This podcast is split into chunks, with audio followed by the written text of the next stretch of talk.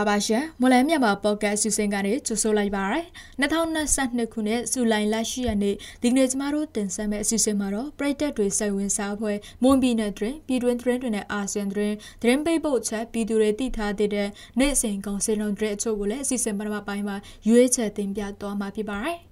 ဒါအပြင်ပြည်တွင်းမှာဖြစ်ပေါ်နေတဲ့တိုက်ပွဲတွေဟာလူတို့ကိုယ်တိုင်ရက်မှတိုက်ပွဲတွေရက်တက်မယ်ဆိုတဲ့သတင်းပေးပို့ချက်ကိုလည်းတင်ဆက်ပေးမှာပါဟုတ်ကဲ့ပါဒီနေ့အစီအစဉ်မှုကတော့ကျမမီအိုင်လောကတာဝန်ယူသွားမှာဖြစ်ပြီးကျမနဲ့အတူကိုခန့်မြတ်သူကသတင်းတွေကိုကုညီဖက်ကြားပေးသွားမှာဖြစ်ပါတယ်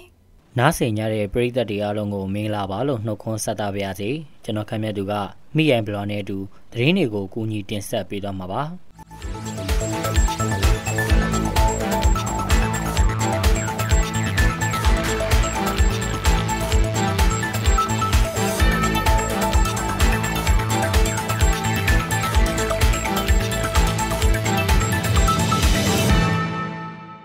ရေးမြော့အထွတ်ထထဆူဆိုင်အနာမှာဓာတ်နဲ့လပင်းလှီးပြီးလူရက်သွားတဲ့တရခန်ကိုတက်ဆိုင်ရာကဖမ်းမိသွားပြီလို့သိရပါတယ်။တရားခံကိုလမိုင်းမြို့နယ်မှာပြီးခဲ့တဲ့ရက်ကဖမ်းဆီးရမိသွားတာဖြစ်တယ်လို့အသက်ဘေးမှလွတ်မြောက်လာသူမတ်လင်းနေထွန်းရဲ့ဖခင်ဖြစ်သူကမွန်ဒရဲအေဂျင်စီကိုပြောပါတယ်။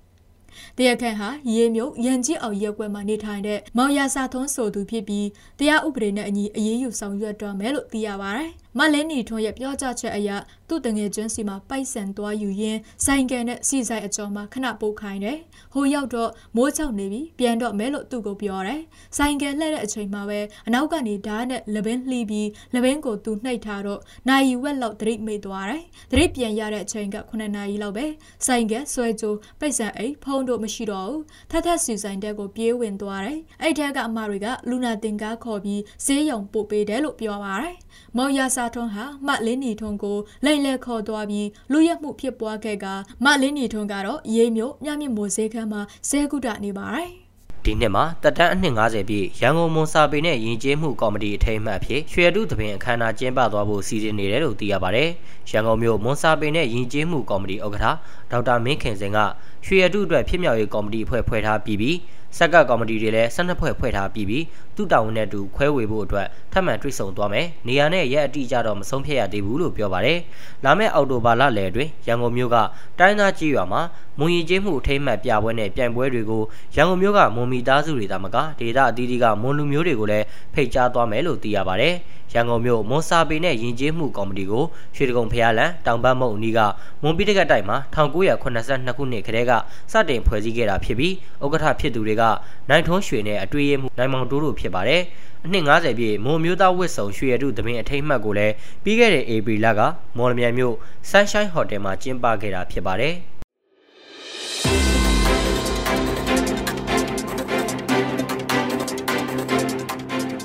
မတို့ရဲ့မလန်းမြန်မာဖောက်ကမြန်မာဘာသာစီစဉ်ကိုအားပေးနားဆင်ကြတဲ့ပရိသတ်များရှင်ကျမတို့အတန်လို့စီစဉ်ကနေပြီးတော့မွန်ပြည်နယ်မှာဖြစ်ပျက်နေတဲ့သတင်းများပြည်တွင်းငင်းချဲရေးဖြစ်စဉ်များပြင် မြန်မာနိုင်ငံတွင်းနဲ့အာဆီယံတွင်းများကိုအပတ်စဉ်တင်လာနေမှတောကြာနေများတွင်ည9:00နာရီအချိန်တွင် Mon New Agency Facebook စာမျက်နှာတွင်ဝင်ရောက်နားဆင်နိုင်လို့မလန်းမြန်မာဖောက်ကစာမျက်နှာတွင်လည်းဝင်ရောက်နားဆင်နိုင်ပါပြီအားပေးကြတဲ့ပရိသတ်များအားလုံးကိုကျေးဇူးတင်ပါတယ်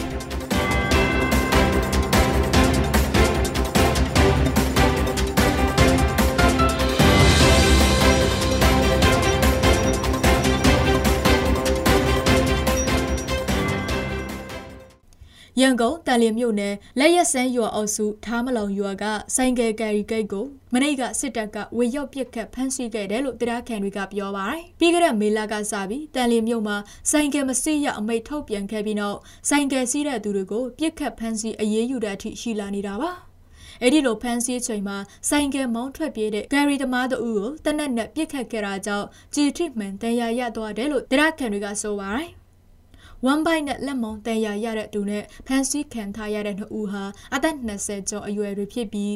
ထားမလုံးရွာအတွင်းကနေထိုင်တဲ့ဒေသခံတွေဖြစ်တယ်လို့သူကပြောပါတယ်။ဆိုင်ကယ်ဂိတ်ဝင်ဖမ်းတဲ့အချိန်မှာစစ်တပ်သား30ရောက်ထပ်မနေပါတယ်လို့ဆိုပါတယ်။မြောက်ရီဝေါ်လေကားလမ်းမပေါ်မှာမနေ့ကစစ်တပ်နဲ့ကော်ဘရာစစ်ကြောင်းတို့တိုက်ပွဲဖြစ်ပွဲခဲ့ကြပြီးစစ်တပ်ဘက်ကဗိုလ်ကြီးတယောက်စေမှုတယောက်အပါအဝင်အလောင်းငါးလောင်းကိုတွေ့ရှိခဲ့ရပြီးစစ်တပ်သားအများအပြားထိခိုက်ဒေဆုံးခဲ့တယ်လို့သိရပါတယ်။ ကော်ဘရာစစ်ကြောင်းရဲ့တိုက်ပွဲအတွင်းထုတ်ပြန်ချက်မှာတော့စစ်တပ်တပ်မ44လက်အောက်ခံခမာယာ200ခွန်ခမာယာ8ခမာယာ204ခမာယာ9ခမာယာ102နဲ့လက်ယုံတပ်ဖွဲ့တွေဘုံမုတ်တုံဦးစီးတဲ့ BGF အင်အား100လောက်ပါဝင်တဲ့စစ်ကြောင်းတွေဟာဖလူလေဖလူကြီးဒေသမှာစုဖွဲ့ကမြောက်ရီဝေါ်လီကားလန်တလျှောက်ဒေသတွေကိုကျူးကျော်ဖို့ကြိုးစားလာတယ်လို့ဆိုထားပါတယ်။ဒါကြောင့် ခမရ200ခုပါဝင်တဲ့စစ်ကြောင်းဟာမြောက်ရီဝေါ်လီကားလန်မပေါ်မှာတုံးတက်ကွေအခေါ်နေရာစီကိုရောက်ရှိလာချိန်မှာလုံခြုံရေးရယူထားတဲ့ကော်ဘရာစစ်ကြောင်းနဲ့ထိတွေ့တိုက်ပွဲတွေဖြစ်ပွားခဲ့တာလို့သိရပါတယ်။တိုက်ပွဲအတွင်း MA1 တလက် G 485တောင်ကြည်ပေါက်၄ခုအီနာဂါဘုံသီးတစ်လုံးနဲ့အခြားဆက်ဆက်ပစ္စည်းတွေကိုလည်းတင်စီရမိထားတယ်လို့ဆိုပါတယ် ဒီတိုက်ပွဲတွေအတင်းမှာတော့ကော်ဘရာစစ်ကြောင်းဘက်ကစစ်တီတော်တွေကြာဆုံးထိခိုက်ဒဏ်ရာရရှိတာတယောက်မှမရှိခဲ့ဘူးလို့ဆိုပါတယ်အဲ့ဒါနဲ့ပတ်သက်လို့စစ်တပ်ဘက်ကထုတ်ပြန်လာတာတော့မရှိသေးပါဘူး မြန်မာစစ်တပ်ရဲ့ Fighter Jet တိုက်လေယာဉ်တစ်စီးထိုင်းလေပိုင်နက်ထဲကိုကျူးကျော်ဝင်ရောက်ခဲ့တဲ့ဖြစ်ရပ်မှာထိုင်းဘက်ကတာဝန်ရှိသူတွေဟာမြန်မာစစ်တပ်နဲ့ပူးပေါင်းကြံစည်ခဲ့ခြင်းရှိမရှိစောင့်ဆက်စစ်ဆေးဖို့ထိုင်းတပ်ကြော်လှုပ်ရှားသူအဖွဲ့တွေကထိုင်းလွှတ်တော်မှာမနေ့ကတောင်းဆိုလိုက်တယ်လို့ Bangkok Post သတင်းမှာပေါ်ပြထားပါတယ်။ The Democracy Group ဆိုတဲ့အဖွဲ့နဲ့ Nondaburi မြို့ဆက်တစ်ကွန်ရက်အဖွဲ့တို့ပူးပေါင်းပြီးထိုင်းလွှတ်တော်အမတ်တွေကိုတောင်းဆိုခဲ့တာဖြစ်ပါတယ်။ထိုင်းမြန်မာနယ်စပ်တလျှောက်မှာနေထိုင်တဲ့ကရင်တိုင်းရင်းသားတွေကိုချင်းကြောက်ဖို့ရည်ရွယ်ချက်နဲ့ထိုင်းနဲ့မြန်မာအာဏာပိုင်တွေကြားပူးပေါင်းကြံစည်မှုရှိမရှိစုံစက်စစ်ဆေးဖို့ဖြစ်ပါတယ်။ပြီးခဲ့တဲ့ဇွန်လကုန်ပိုင်းကတတ်ခရိုင်ပေါ်ပါရာမြို့နယ်မှာမက်29တိုက်လေရင်ပြန်ဝဲတဲ့ဖြစ်ရဟာကရင်တိုင်းရင်းသားတွေကိုလူမျိုးရေးအရာရှင်းလင်းဖို့မြန်မာစစ်တပ်နဲ့ထိုင်းအာဏာပိုင်တွေပူးပေါင်းကြံစည်ခဲ့တာဖြစ်နိုင်ကြောင်းတည်သက်ကြွလှုပ်ရှားသူအဖွဲ့နှစ်ဖွဲ့ကတန်တရားရှိနေတယ်လို့ Bangkok Post သတင်းစာမှာမနေ့ကဖော်ပြထားပါတယ်။ဒီဖြစ်ရမှာထိုင်းအာဏာပိုင်တွေရဲ့ပူးပေါင်းကြံစည်မှုရှိခဲ့တယ်လို့ပေါ်ပေါက်ရင်ဒါဟာစစ်ရာဇဝတ်မှုမြောက်နိုင်တယ်လို့လည်းအဲ့ဒီအဖွဲ့တွေကပြောဆိုပါတယ်။ဒီမိုကရေစီဂရုအဖွဲ့ကစောင်းရွတ်ပရိုစာခမ်ဆမ်ဆွတ်ကစစ်ကောင်စီကတိုက်လေရင်တွေထိုင်းလေပိုင်နက်ထဲကိုကျူးကျော်ပြန်တန်းခဲ့တဲ့ဖြစ်ရမတိုင်ခင်ဇွန်လ29ရက်နေ့မှာထိုင်းစစ်တပ်ကဒုဗိုလ်ချုပ်ကြီးအဘိချတ်ဆူဆန်ကနေဆက်တရကော်မတီအစည်းအဝေးတက်ဖို့နေပြည်တော်ရောက်နေတာကိုထောက်ပြပြီးမြန်မာနဲ့ထိုင်းအာဏာပိုင်တွေပူးပေါင်းကြံစည်မှုရှိနိုင်တယ်လို့ထောက်ပြထားပါတယ် နှစ်နိုင်ငံနယ်စပ်ပြည်သူတွေဟာနီးနီးကပ်ကပ်ဆက်ဆံမှုတွေရှိတဲ့အတွက်မြန်မာဘက်ကအဖြစ်အပျက်တွေဟာထိုင်းနိုင်ငံကိုလည်းရိုက်ခတ်လာနေတယ်လို့ Mode Forward Party ရဲ့လွှတ်တော်အမတ် Ransai Mondron က Bangkok Post ကိုပြောပါတယ်မြန်မာလေတပ်ကတိုက်လေရင်ကျူးကျော်ပြန်ဝဲတဲ့ကိစ္စဖြစ်ပြီးနောက်ပိုင်းအခြေအနေတွေထိမ့်မရအောင်ဖြစ်လာနေတယ်လို့လည်းသူကပြောပါတယ်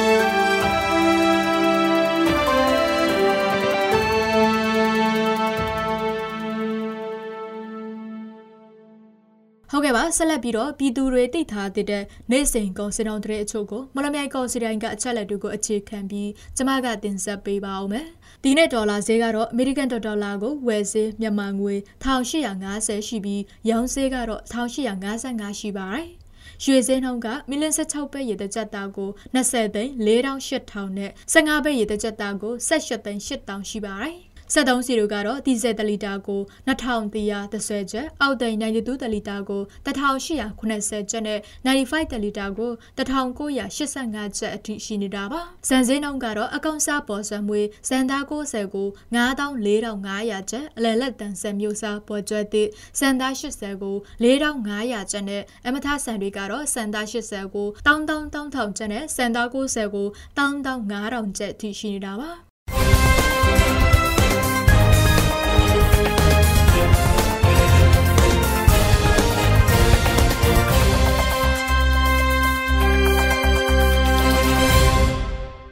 အခုတင်ဆက်ပေးသွားတာကစူလိုင်လက်ရှိရနေမှာဖြစ်ပျက်ခဲ့တဲ့မွန်ပြည်နယ်တွင်ပြည်တွင်သတင်းနဲ့အာဆီယံတွင်တွေပြင်တနိတ်တာစီစေးငွေစင်းနဲ့ကောင်စင်းတော်တွေကိုတင်ဆက်ပေးသွားခဲ့တာဖြစ်ပါတယ်။ဆက်လက်ပြီးတော့ပြည်တွင်းမှာဖြစ်ပွားနေတဲ့တိုက်ပွဲတွေဟာလူထုကိုယ်တိုင်ရက်မှတိုက်ပွဲတွေရက်တက်မဲ့ဆိုတဲ့သတင်းပေးပို့ချက်ကိုစရောင်းနွန်ကတင်ဆက်ပေးပါမယ်ရှင်။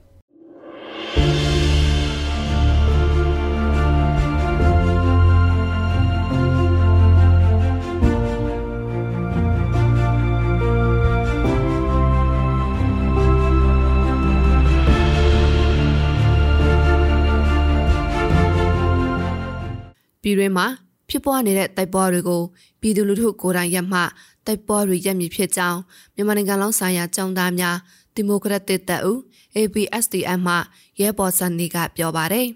စစ်တပ်ဘက်မှတောက်ပြမှုဟာအလွန်ကြမ်းတမ်းတဲ့အတွက်နောက်ဆက်တွားအနေနဲ့ပြည်သူလူထုတို့ရဲ့သွန်လှန်မှုကပုံမမြင့်တက်လာကြောင်းသူကဆိုပါတယ်။ရဲ့တိုက်ပွဲကြာရှည်မှုက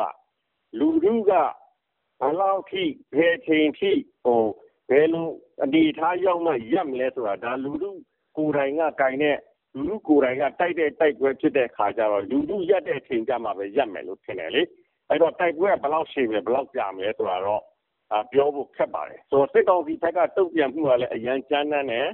အရန်ကိုဟိုဟိုလူမခံစွာတုတ်ပြန်တဲ့တုတ်ပြန်မှုတွေရှိတဲ့ခါကျတော့ဒီရဲ့နောက်ဆက်တွဲအကျိုးဆက်တွေကတော့ဟိုခုနကကျွန်တော်တင်ပြခဲ့သလိုပဲအာ ပြည်သူလူထုရဲ့တုတ်ပြန်တွန်းလာမှုကပိုပြီးတော့မြင့်တက်လာတယ်အဲ့ဒီမြင့်တက်လာတဲ့တုတ်လာတုတ်တွန်းလာတုတ်ပြန်မှုကတော့လူထုကိုယ်တိုင်ရက်တဲ့အချိန်ကြမှာဒီတိုက်ပွဲကရက်မှာဒီပဋိ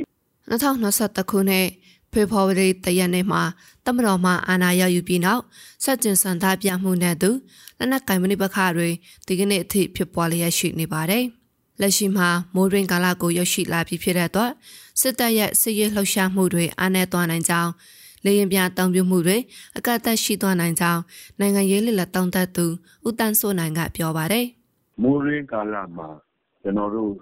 လေမြန်နေရဟရင်အသုံးချဖို့အသုံးချဖို့ဆိုရဲအခန့်တရှိတယ်မိသားပါအဲ့တော့ဒီရာသီဥတုမကောင်းမှုဆိုရင်မတော်နိုင်ဘူးမလာနိုင်ဘူးနောက်ပြီးအောက်ခြေရှင်းရှင်းလင်းမမြင်ဘူးဆိုတဲ့အချိန်မှာ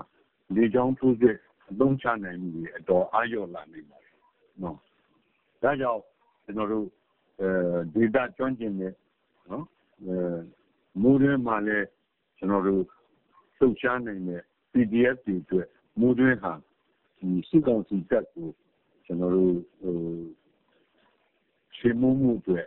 အခွင့်အလမ်းတွေပိုးတာပူများလာလိမ့်မယ်လို့ကျွန်တော်တို့ကမျှော်လင့်မိပါတယ် လက်တလောဖြစ်ပွားနေတဲ့တိုက်ပွဲတချို့မှာစစ်တပ်ဘက်ကလေရင်နဲ့ဘောင်းကျဲတိုက်ခိုက်မှုတွေရှိနေပါတယ်။လက်ရှိမှာမိုးရင်ကာလကိုရွှေ့ရှိသွားပေမဲ့လက်နက်ကင်မဏိပခတွေကရော့ကျသွားမယ်မထင်ကြောင်းပျောက်ကြားစစ်တွေဆက်လက်ဖြစ်ပွားနေမှာဖြစ်ကြောင်းနိုင်ငံရေးလက်လက်တောင်းတသူဦးရဲထွန်းကပြောပါတယ်။မိုးရင်းရောက်သွားလဲသူဟိုကတော့ရော့မယ်တော့မထင်ဘူး။ဆိုတော့ကျွန်တော်သိတဲ့လောက်တော့အဲ့ဒီဘက်ကဖြစ်နေတဲ့တိုက်ပွဲတွေကထိတ်တိုက် ဟိုဖြစ်တာတော့တိတ်မရှိဘူးထိတ်တိုက်ဟိုနှစ်ဖက်အပြန်လာ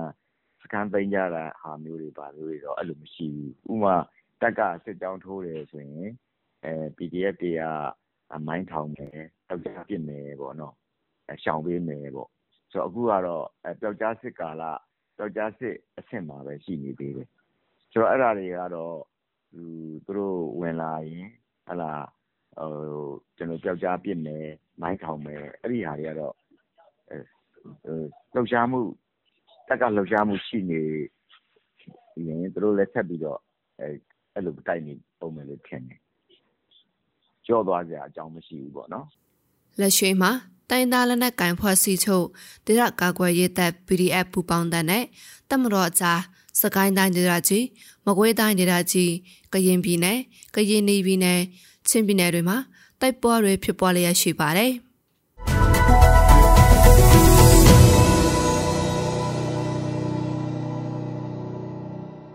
ကျွန်တော်တို့ရဲ့မွန်လန်းမြန်မာပေါ့ကတ်စီစဉ်ဒီမှာရင်ပြီးဆုံးပါပြီ။နားဆင်ကြတဲ့ပရိသတ်တွေအားလုံးကိုနောက်နေ့အစီအစဉ်တွေမှာဆက်လက်အားပေးကြပါအောင်လို့ဖိတ်ခေါ်ရင်းအစီအစဉ်ကိုအဆုံးသတ်ပါရစေ။အားလုံးကိုကျေးဇူးတင်ပါတယ်ခင်ဗျာ။